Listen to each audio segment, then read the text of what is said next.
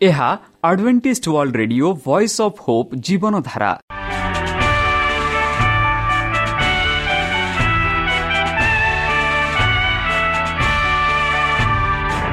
Odia radio କାର୍ଯ୍ୟକ୍ରମ ଯାହା ଆମର ଆନ୍ତର୍ଜାତୀୟ ଆଘାତ କେନ୍ଦ୍ରରୁ ପ୍ରସାରଣ କରାଯାଉଛି ପ୍ରତିଦିନ ରାତି ନଅଟା ତିରିଶ ମିନିଟ୍ରେ। ମୁଁ ସୁବ୍ରତ କୁମାର ପତି ପ୍ରେମର ସହ ଆପଣମାନଙ୍କୁ ଏହି କାର୍ଯ୍ୟକ୍ରମକୁ ସ୍ୱାଗତ କରୁଅଛି। ଚାଲନ୍ତୁ ଆଜିର ତିରିଶ ମିନିଟ୍ର କାର୍ଯ୍ୟକ୍ରମ ବିଷୟରେ ଜାଣିନେବା। ପ୍ରଥମେ ରଖିଛୁ ଆଧ୍ୟାତ୍ମିକ ଭକ୍ତିମୟ ଗୀତ। ଏହାପରେ ଶୁଣିବା ସ୍ୱାସ୍ଥ୍ୟ ବିଷୟରେ ଯାହା ଆମର ଦୈନିକ ଜୀବନରେ ଅତ୍ୟନ୍ତ ଜରୁରୀ। ଆଉ ପରିଶେଷରେ ଶୁଣିବା ପରମେଶ୍ୱରଙ୍କ ଭକ୍ତଙ୍କଠାରୁ ଜୀବନଦାୟକ ଈଶ୍ୱରଙ୍କ ବାକ୍ୟ। ପ୍ରିୟ ଶ୍ରୋତା ତାହେଲେ ଚାଲନ୍ତୁ ଶୁଣିବା ଏକ ଆଧ୍ୟାତ୍ମିକ ଭକ୍ତିମୟ ଗୀତ।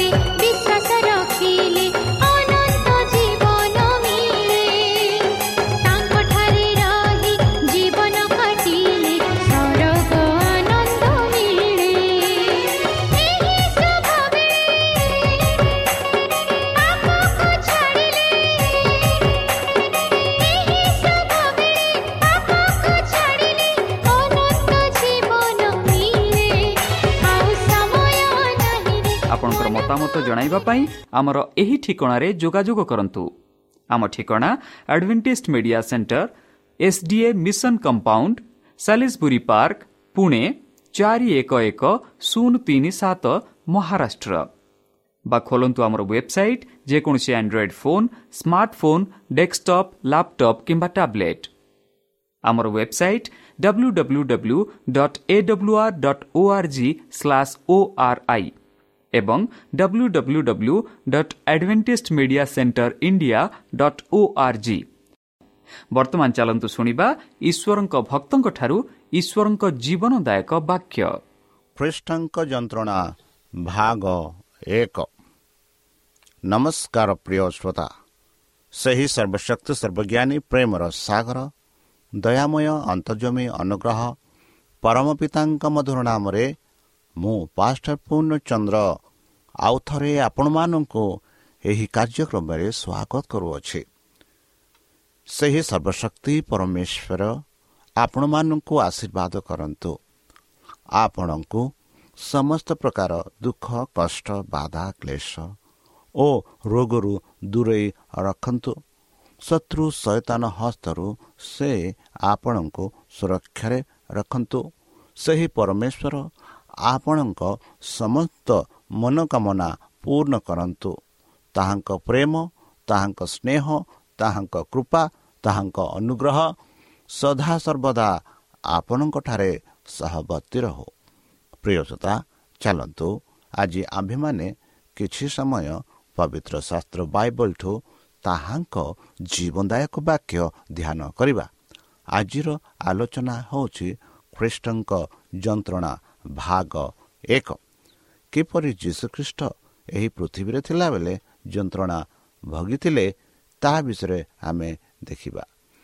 ଯଦି ଆମେ ପ୍ରଶ୍ନ ପଚାରିବା ଯୀଶୁଖ୍ରୀଷ୍ଟ କାହିଁକି ଏହି ପୃଥିବୀକୁ ଆସିଲେ?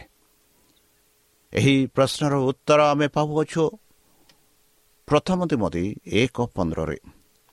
ତିମତି ଏହିପରି ଲେଖନ୍ତି ପାପୀମାନଙ୍କୁ ପରିତ୍ରାଣ କରିବା ନିମନ୍ତେ ଖ୍ରୀଷ୍ଟ ଯୀଶୁ ଯେ ଜଗତରେ ଅବତୀର୍ଣ୍ଣ ହେଲେ ଏହି ବାକ୍ୟ ବିଶ୍ୱାସ ଓ ସର୍ବତ ଭାବେ ଗ୍ରହଣଯୋଗ୍ୟ।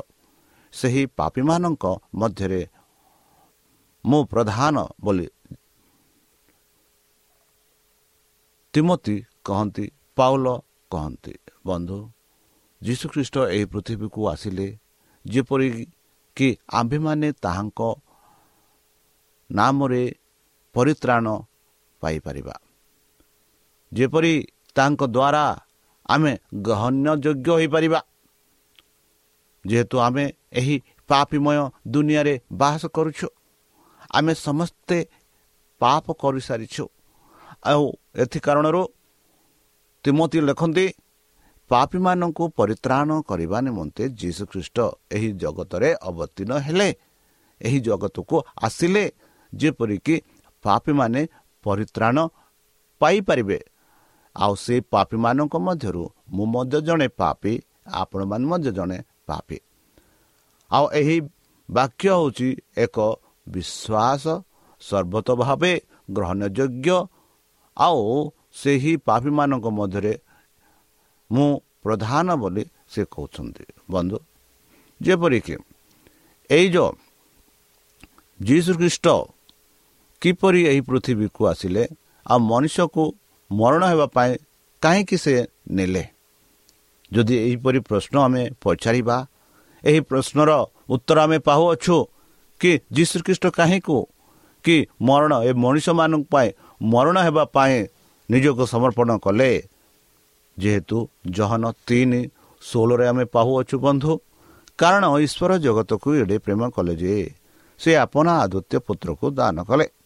ଯେପରି ଯେ କେହି ତାହାଙ୍କଠାରେ ବିଶ୍ୱାସ କଲେ କରେ ସେ ବିନଷ୍ଟ ନ ହୋଇ ଅନ ଜୀବନ ବା ଅନନ୍ତ ଜୀବନ ପ୍ରାପ୍ତ ହୁଏ। ବନ୍ଧୁ ଜଗତକୁ ଈଶ୍ୱର ଏତେ ପ୍ରେମ କଲେ ଆଉ ଏହି ଜଗତରେ କିଏ ବାସ କରନ୍ତି? ମାନବ ଜାତି। ଯେହେତୁ ମାନବ ଜାତିକୁ ପରମେଶ୍ୱର ଆପଣ ହସ୍ତରେ ସୃଷ୍ଟି କଲେ ଗଢ଼ିଲେ ଆଉ ନିଜ ପ୍ରାଣର ବାୟୁ ଦେଲେ ଆଉ ଏଥି କାରଣରୁ ଏହି ଜଗତରେ ଏହି ମାନବ ଜାତି ବାସ କରୁଛନ୍ତି ଆଉ ଏଇ ଯେଉଁ ମାନବ ଜାତି ବାସ କରୁଛନ୍ତି ଏଥିଯୋଗୁଁ ଏହି ଜଗତକୁ ଈଶ୍ୱର ଏତେ ପ୍ରେମ କଲେ। ଆଉ ଏହି ପ୍ରେମ ଯୋଗୁଁ ସେ ଆପନା ଆଦିତ୍ୟ ପୁତ୍ର ଏକମାତ୍ର ପୁତ୍ରଙ୍କୁ ଏହି ଯୋଗୁଁ ପୃଥିବୀକୁ ଦାନ କଲେ ଏହି ଲୋକମାନଙ୍କୁ ଦାନ କଲେ। ଆଉ ଯେପରି ତାହାଙ୍କ ମୃତ୍ୟୁ ଦ୍ୱାରା ଆମେ ସମସ୍ତେ ଅନନ୍ତ ଜୀବନ ପ୍ରାପ୍ତ ହୋଇପାରିବ।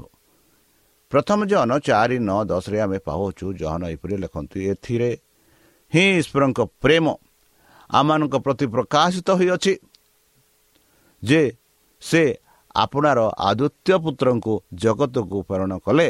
ଯେପରି ଆମ୍ଭେମାନେ ତାହାଙ୍କ ଦ୍ୱାରା ଜୀବନ ପ୍ରାପ୍ତ ହେଉ। ବନ୍ଧୁ ପରମେଶ୍ୱର ଜଗତକୁ ଏତେ ପ୍ରେମ କଲେ ଯେ ସେ ଆପଣା ଆଦିତ୍ୟ ପୁତ୍ରଙ୍କୁ ଏ ଜଗତକୁ ପ୍ରେରଣ କଲେ। ଯେପରିକି ଆମ୍ଭେମାନେ ତାହାଙ୍କ ଦ୍ୱାରା ଅନନ୍ତ ଜୀବନ ପ୍ରାପ୍ତ ହେଉ। ଆମମାନେ ଯେ ଈଶ୍ୱରଙ୍କୁ ପ୍ରେମ କଲୁ ତାହା ନୁହେଁ।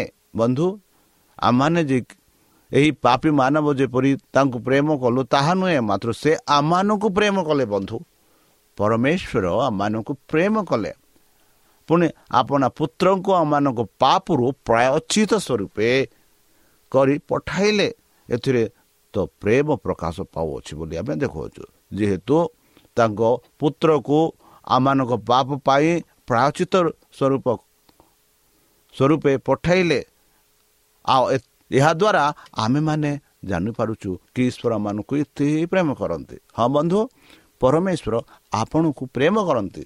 ଆପଣଙ୍କ ଆପଣଙ୍କ ପୁଅ ଝିଅ ମାତା ବାପା ମା ସମସ୍ତଙ୍କୁ ପରମେଶ୍ୱର ଭଲ ପାଆନ୍ତି ପ୍ରେମ କରନ୍ତି। ଏଥି କାରଣରୁ ପରମେଶ୍ୱର ଆପଣ ଏକମାତ୍ର ପୁତ୍ରକୁ ଆମର ପାପର ପ୍ରାୟଚିତ ରୂପେ ସେ ପଠାଇଥିଲେ।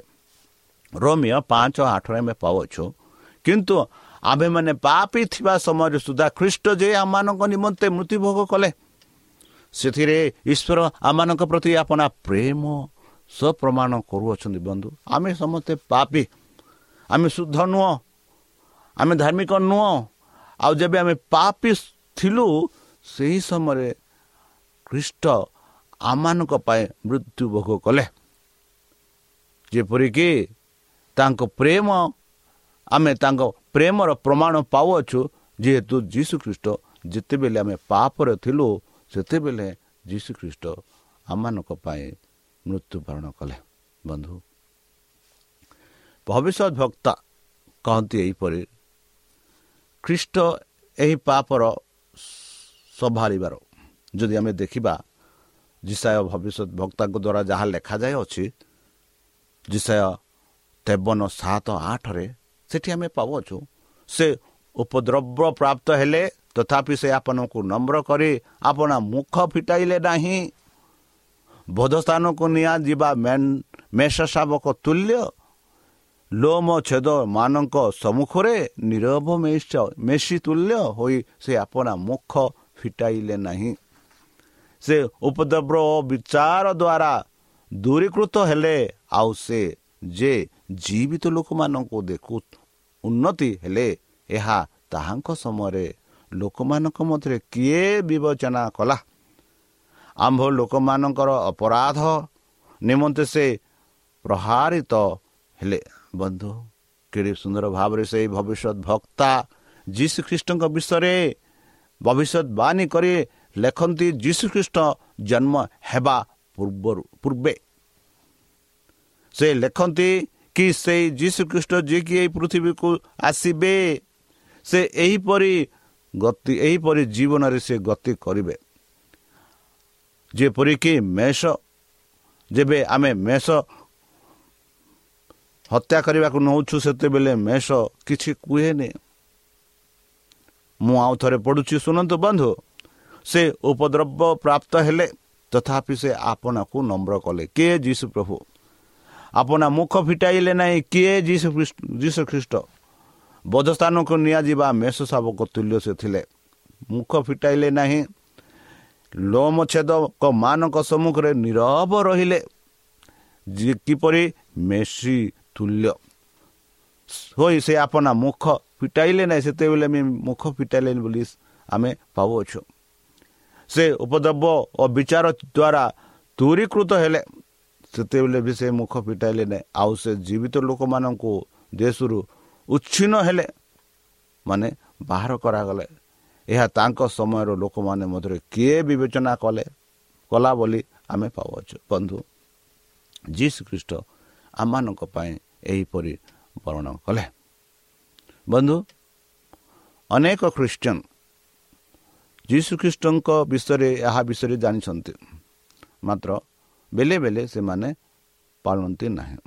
ଯେପରି ଆମେ ଲୋକ ଅଠର ଏକତିରିଶ ପାଉଛୁ ପାପରେ ସେ ଦ୍ୱାଦଶଙ୍କୁ ଅନ୍ତର କରି ସେମାନଙ୍କୁ କହିଲେ ଦେଖ ଆମେମାନେ ଜେରୁସାଲାମକୁ ଯାତ୍ରା କରୁଅଛୁ।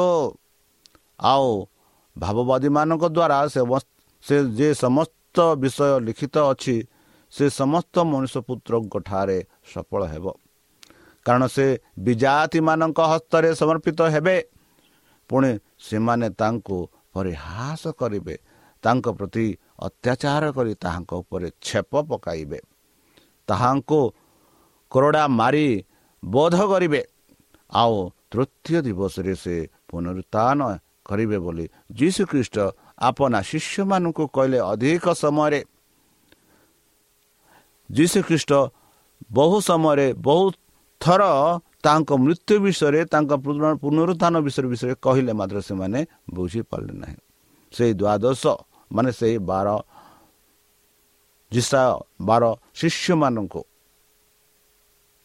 ବନ୍ଧୁ ଏଇ ଯେଉଁ ପାପର ପୃଥିବୀର ପାପ ଯେବେ ଯୀଶୁଖ୍ରୀଷ୍ଟଙ୍କ ଠାରେ ଭରିଲା ତାଙ୍କୁ କେମିତି ଲାଗିଲା? ଯଦି ଆମେ ଦେଖିବା ମାଥ୍ୟୁ ଛବିଶ ସଇଁତିରିଶ ଆଉ ଅଠତିରିଶ ସେ ସେଠି ଆମେ ପାଉଛୁ। ସେ ପିତର ଓ ଜବଦୀଙ୍କ ଦୁଇ ପୁତ୍ରଙ୍କୁ ସାଙ୍ଗରେ ଘେନି ଶୋକାକୂଳ ଓ ବ୍ୟତୀତ ହେବାକୁ ଲାଗିଲା। ମାନେ ବନ୍ଧୁ ଯେବେ ଆମେ ଭୋଜ ବହିଥାଉ ଏଇ ଯେଉଁ ପାପର ଦୁନିଆର ପାପର ଭୋଜ ଯେବେ ତାଙ୍କ ଉପରେ ପଡ଼ିଲା ତାଙ୍କୁ କେମିତି ଲାଗୁଥିଲା ବନ୍ଧୁ? ଯଦି ଆମ ଉପରେ ଏକ ଭୋଜ ଯଦି ଭୁଆଁ ଯିବ ତେବେ ଆମମାନଙ୍କୁ କେମିତି ଲାଗିବ ବନ୍ଧୁ ଏଇ ଯେଉଁ ଜଗତର ପାପ ସବୁ ଖ୍ରୀଷ୍ଟଙ୍କ ଉପରେ ଏକ ଭୋଜ ରୂପେ ଥିଲା ଆଉ ଆମେ ଦେଖୁଅଛୁ ମାଥ୍ୟୁ ତାର ଛବିଶ ସଇଁତିରିଶ ଅଠତିରିଶରେ କି ଯୀଶୁ ଖ୍ରୀଷ୍ଟ ପିତର ଓ ଜୀବିତଙ୍କ ଦୁଇ ପୁତ୍ରଙ୍କ ସାଙ୍ଗରେ ଘିନି ଶୋକ କାଳକୁ ଓ ବ୍ୟତୀତ ହେବାକୁ ଲାଗିଲା ବୋଲି ଆମେ ଦେଖୁଅଛୁ ସେତେବେଳେ ସେ ସେମାନଙ୍କୁ କହିଲେ ମୋର ପ୍ରାଣ ମୃତ୍ୟୁଭୋଗ କରିବା ପରି ଅତ୍ୟ ବୋଲି ସେ କହିଲେ ଶୋକାକୂଳ ହେଉଅଛି ତୁମାନେ ଏଠାରେ ରହି ମୋ ସାଙ୍ଗରେ ଜାଗି ଥାଅ ବୋଲି ସେ କହିଲେ। ବନ୍ଧୁ ଯୀଶୁ ପ୍ରଭୁ ଆମମାନଙ୍କ ପାଇଁ ଏଇ ଯେଉଁ ଯନ୍ତ୍ରଣା ଭୋଗୁଛନ୍ତି ଆଉ ଭୋଗିଲେ ଯେପରିକି ତାଙ୍କ ଯନ୍ତ୍ରଣା ଦ୍ୱାରା ତାଙ୍କ ମୃତ୍ୟୁ ଦ୍ୱାରା ଆମେ ଅନନ୍ତ ଜୀବନ ପ୍ରାପ୍ତ ହୋଇପାରିବା। ତାଙ୍କ ଦୁଃଖ ସମୟରେ ସେ କ'ଣ କହିଲେ? ଯଦି ଆମେ ଦେଖିବା ମାଥ୍ୟୁ ଛବିଶ ଅଣତିରିଶ ସେ କହିଲେ ଶିଷ୍ୟମାନଙ୍କୁ ପୁଣି ସେ ଅଳ୍ପ ଦୂର ଆଗକୁ ଯାଇ ଉବୁଡ଼ ହୋଇ ପ୍ରାର୍ଥନା କରୁ କରୁ କହିଲେ ହେ ମୋର ପିତା ଯଦି ହୋଇପାରେ ତେବେ ଏହି ପାନପାତ୍ର ମୋ ଠାରୁ ଦୂର ହଉ। ତଥାପି ମୋର ଇଚ୍ଛା ନୁହେଁ ମାତ୍ର ତୁମର ଇଚ୍ଛା ବନ୍ଧୁ। କେଡ଼େ ସୁନ୍ଦର ଭାବରେ ଯୀଶୁଖ୍ରୀଷ୍ଟ ଆପଣା ପିତାଙ୍କ ହସ୍ତରେ ସମର୍ପଣ କଲେ। ଆଉ ସେ ଏହିପରି ଅନୁରୋଧ କହିଲେ ପ୍ରଭୁ ପିତ ଯଦି ତୁମର ଏହା ଇଚ୍ଛା ତାହେଲେ ଏଇ ଯେଉଁ ପାନପତ୍ର ମୋ ଠାରୁ ଦୂର କର ମାତ୍ର ମୋର ଇଚ୍ଛା ନୁହଁ ବରଂ ତୁମର ଇଚ୍ଛା ହଉ। ବନ୍ଧୁ ଯୀଶୁଖ୍ରୀଷ୍ଟ ପ୍ରାର୍ଥନା ସହ ରହିଲେ। ଆମମାନେ କେତେଥର ପ୍ରାର୍ଥନା ସହ ରହୁଅଛୁ ଯେବେ ଆମେ ଦୁଃଖ କଷ୍ଟ ବାଧା ଆମ ଚାରିପଟେ ଘେରି ରହିଅଛି ପରିବାରରେ ଦୁଃଖ ରହିଅଛି ସେତେବେଳେ ଆମେ କେତେବେଳେ କେତେଥର ସେହି ସଦାପ୍ରଭୁ ପରମେଶ୍ୱରଙ୍କ ଠାରେ ପ୍ରାର୍ଥନା କରୁଅଛୁ ଆମେ ଦେଖୁଅଛୁ ଯୀଶୁ ଖ୍ରୀଷ୍ଟ ପ୍ରାର୍ଥନା କରୁଥିଲେ। ଆଉ ଆମେ ଦେଖିବା ଯଦି ଯୀଶୁଖ୍ରୀଷ୍ଟଙ୍କ ଏକ ସେହି ବାଧା କେତେ ଗଭୀର ଥିଲା ତାଙ୍କ ଆତ୍ମାକୁ କେତେ ଆଘାତ କରୁଥିଲା। ଯଦି ଆମେ ପଢ଼ିବା ବନ୍ଧୁ ଲୁକ ବାଇଶ ଚଉରାଳିଶରେ ଆମେ ପାଉଛୁ ପୁଣି ସେ ମର୍ମାନ୍ତିକ ଦୁଃଖରେ ମଗ୍ନ ହୋଇ ଆହୁରି ଏକାଗ୍ର ଭାବରେ ପ୍ରାର୍ଥନା କରିବାକୁ ଲାଗିଲେ ଓ ତାହାଙ୍କ ଝାଳ ଘନ ରକ୍ତଟୋପ ପରି ଭୂଇଁରେ ପଡ଼ିଲା। ବନ୍ଧୁ ଦେଖନ୍ତୁ କେତେ ଗଭୀର ଭାବରେ ସେଇ ବାଧାକୁ ସେ ବହୁଥିଲେ କେତେ କଷ୍ଟ ହେଉଥିଲେ କେତେ କଷ୍ଟ ଭୋଗୁଥିଲେ। ଆଉ ସେଇ କଷ୍ଟରେ ସେ ଆମେ ଯେପରି ଲୁକ ଆମମାନଙ୍କୁ କହୁଛନ୍ତି କି ମର୍ମାତିକ୍ତ ଦୁଃଖରେ ମଗ୍ନ ହୋଇ ଆହୁରି ସେ ଏକାଗ୍ର ଭାବରେ ପ୍ରାର୍ଥନା କରିବାକୁ ଲାଗିଲେ ଓ ତାହାଙ୍କ ଝାଳ ଘନ ରକ୍ତ ଟୋପା ପରି ଭୂଇଁରେ ପଡ଼ିଲା ବୋଲି ଆମେ ଦେଖୁଅଛୁ। ବନ୍ଧୁ ଯଦି ଆମେ ଆଗକୁ ପଡ଼ିବା ଯୀଶୁ ପ୍ରଭୁ କିପରି ଦୁଃଖ ଭୋଗ କଲେ ଆଉ ସେ ଦୁଃଖରେ କିପରି ପ୍ରାର୍ଥନା କଲେ ଲୁକ ବାଇଶ ତାର ସତଚାଳିଶ ଅଣଚାଳିଶ ଯଦି ଆମେ ଦେଖିବା ସେ କଥା କହୁଥିବା ସମୟରେ ଦେଖ ଲୋକ ସମୂହ ଆସି ଉପସ୍ଥିତ ହେଲେ ଆଉ ଦ୍ୱାଦଶଙ୍କ ମଧ୍ୟରୁ ଯୁହୁଦା ନାମକ ଜଣେ ସେମାନଙ୍କ ଆଗରେ ଆଗେ ଆଗେ ଆସି ଯୀଶୁଙ୍କୁ ଚୁମ୍ବନ କରିବାକୁ ତାହାଙ୍କ ପାଖକୁ ଗଲା। କିନ୍ତୁ ଯୀଶୁ ତାହାଙ୍କୁ କହିଲେ ହେ ଯୋଉଦା ଚୁମ୍ବନ ଦ୍ୱାରା କି ମଣିଷ ପୁତ୍ରଙ୍କୁ ଶତ୍ରୁ ହସ୍ତରେ ସମର୍ପଣ କରୁଅଛ?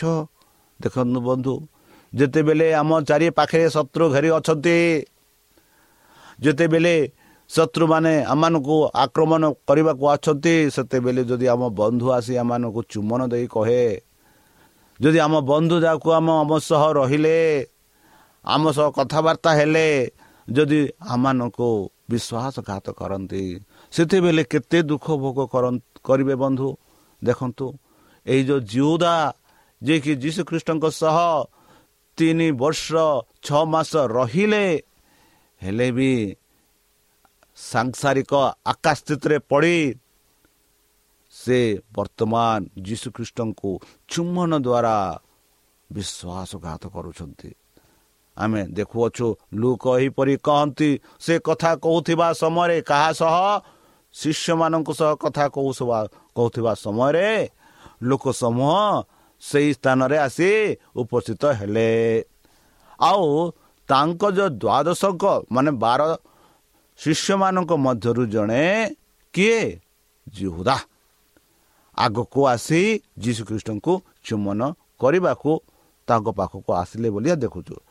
ଆଉ ଯୀଶୁଖ୍ରୀଷ୍ଟ ସେଇ ଯେଉଁ ଜିହୁଦାକୁ କହନ୍ତି ଯୁଦା ଚୁମନ ଦ୍ୱାରା କି ମଣିଷ ପୁତ୍ରଙ୍କୁ ତୁମେ ଶତ୍ରୁ ହସ୍ତରେ ସମର୍ପଣ କରୁଅଛ?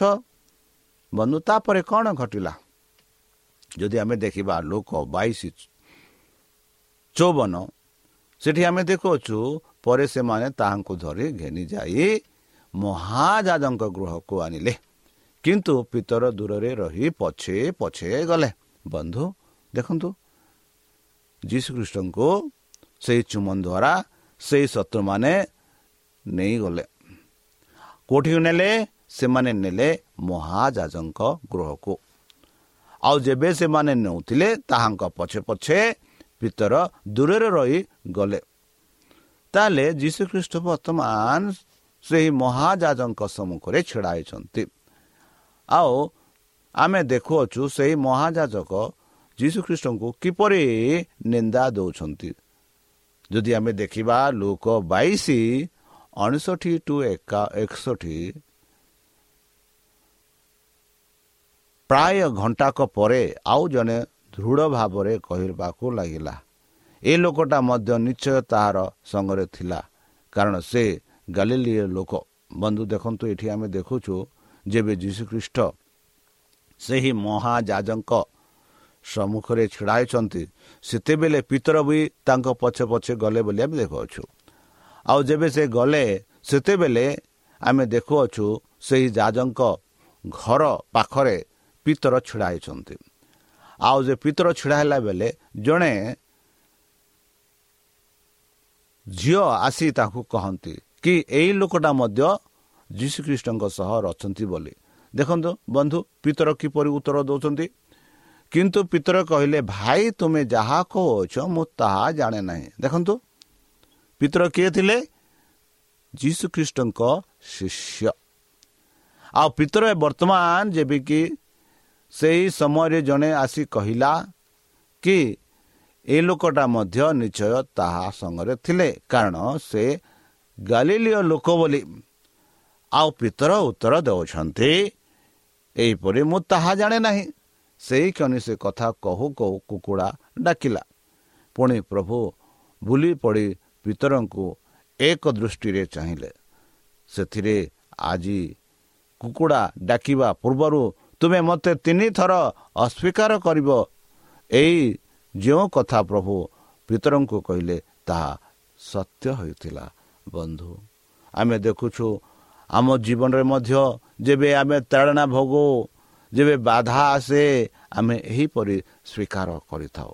ବନ୍ଧୁ ଲୁକ ବାଇଶ ତେଷଠି ଚଉଷଠିରେ ଆମେ ପାଉଛୁ ଆଉ ଯେଉଁ ଲୋକମାନେ ଯୀଶୁଙ୍କୁ ଧରି ରଖିଥିଲେ ସେମାନେ ତାହାଙ୍କୁ ପ୍ରହାର କରୁ କରୁ ପରିହାସ କଲେ ବନ୍ଧୁ ଦେଖନ୍ତୁ ଯେଉଁ ଲୋକମାନେ ତାଙ୍କୁ ନେଇଥିଲେ ଯୀଶୁଖ୍ରୀଷ୍ଟଙ୍କୁ ପରିହାସ କଲେ ତାହା ନୁହେଁ ପୁଣି ତାହାଙ୍କ ମୁହଁରେ ଗୁଡ଼ାଇ ତାହାଙ୍କୁ ପଚାରିବାକୁ ଲାଗିଲେ ତୁ ପରା ଭାବବାଦୀ?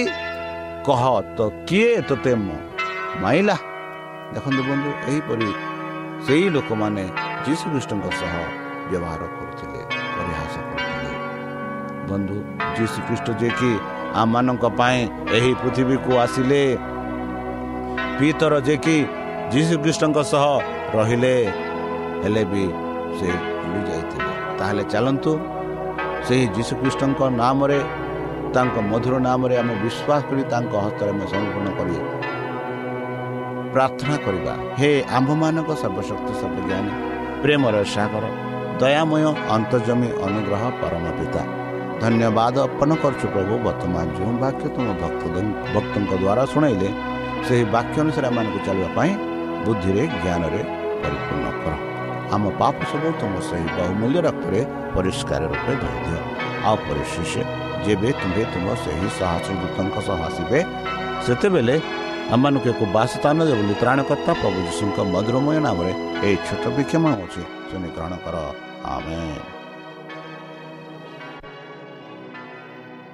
প্রিয় শ্রোতা আমি আশা করুছু যে আমার কার্যক্রম আপনার পসন্দ লাগুথিব ଆପଣଙ୍କର ମତାମତ ଜଣାଇବା ପାଇଁ ଆମର ଏହି ଠିକଣାରେ ଯୋଗାଯୋଗ କରନ୍ତୁ ଆମ ଠିକଣା Adventist media centre SDA mission compound Salisbury Park Pune ଚାରି ଏକ ଏକ ଶୂନ ତିନି ସାତ ମହାରାଷ୍ଟ୍ର ବା ଖୋଲନ୍ତୁ ଆମର ୱେବସାଇଟ୍ ଯେକୌଣସି Android phone smartphone desktop laptop କିମ୍ବା ଟ୍ୟାବ୍ଲେଟ୍ ଆମର ୱେବସାଇଟ୍ www.awr.org/ori এবং www.adventistmediacentterindia.org ଆଡ଼ଭେଣ୍ଟେଜ୍ ମିଡ଼ିଆ ସେଣ୍ଟର ଇଣ୍ଡିଆର ସ୍ପେଲିଂ ହେଉଛି A D V E N T I S T M E D I A C E N T R E I N D I A ଅଥବା download କରନ୍ତୁ ଆମର mobile app ଆପଣଙ୍କର mobile play ଷ୍ଟୋର୍କୁ ଯାଆନ୍ତୁ ଆଉ type କରନ୍ତୁ the Voice of Hope ଆଉ download କରନ୍ତୁ ଈଶ୍ୱର ଆପଣଙ୍କୁ ଆଶୀର୍ବାଦ କରନ୍ତୁ ଧନ୍ୟବାଦ